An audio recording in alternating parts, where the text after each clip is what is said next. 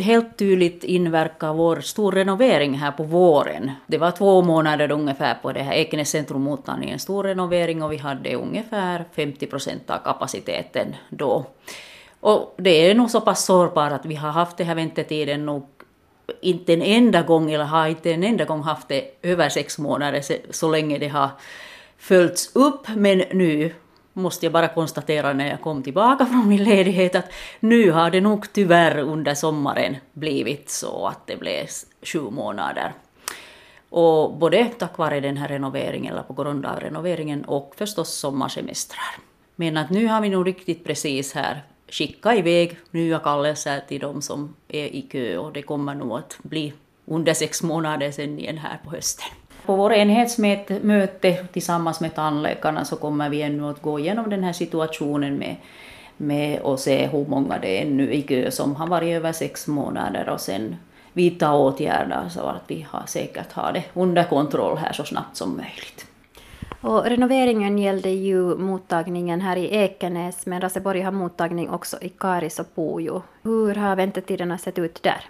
No, där är situationen faktiskt nog bättre Karis har eh, kanske en tredjedel av den kö, kön som vi har och eh, Pujo har också mindre så att där är nog situationen bättre. Och eh, så vill jag ännu poängtera att det här gäller då inte akutvård. utan har man några akuta bekymmer så det ordnas ju då så snabbt som möjligt. Riktigt verk och så, så är det samma dag och eventuellt några tappade plomber men inte så hemskt mycket symptom så kan det hända att man hamnar och väntar en eller två dagar, att man får inte just precis på måndagen som det är mest bråttom, men nog inom utsatta tiden. Om man då bortser från den här sju månaders väntetiden som var efter renoveringen här eh, vid Ekenäs mottagning, vad är en normal längd som man är tvungen att vänta på icke-brådskande tandvård i Ekenäs då när du sa att det var kortare tider i Karis och Pujo? Vi har haft tider som det har varit runt fyra månader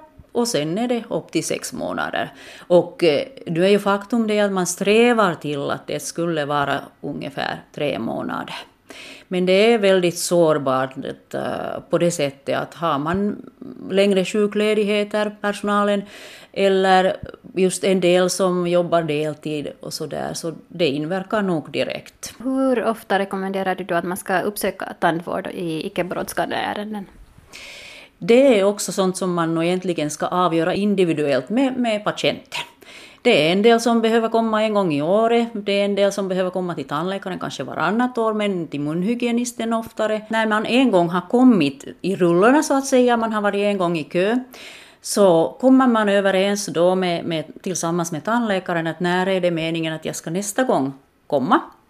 Och då behöver du inte gå igenom den här kön på nytt igen, och det är ju också en sån här förmån kan man säga som vi har i, i Raseborg som jag vet att inte finns i alla kommuner utan oftast är det så att du, du ha, sätts på, på den här kön på nytt igen. Um, hur brukar kunder i allmänhet reagera när de får höra att väntetiden är mellan tre och sex månader? Är folk förstående eller vill, brukar folk ha lite mer bråttom? En del blir förvånade, men det kan jag nog säga att, att till exempel alla de som kommer från huvudstadsregionen så tycker att oj vad bra att man överhuvudtaget får komma på kö.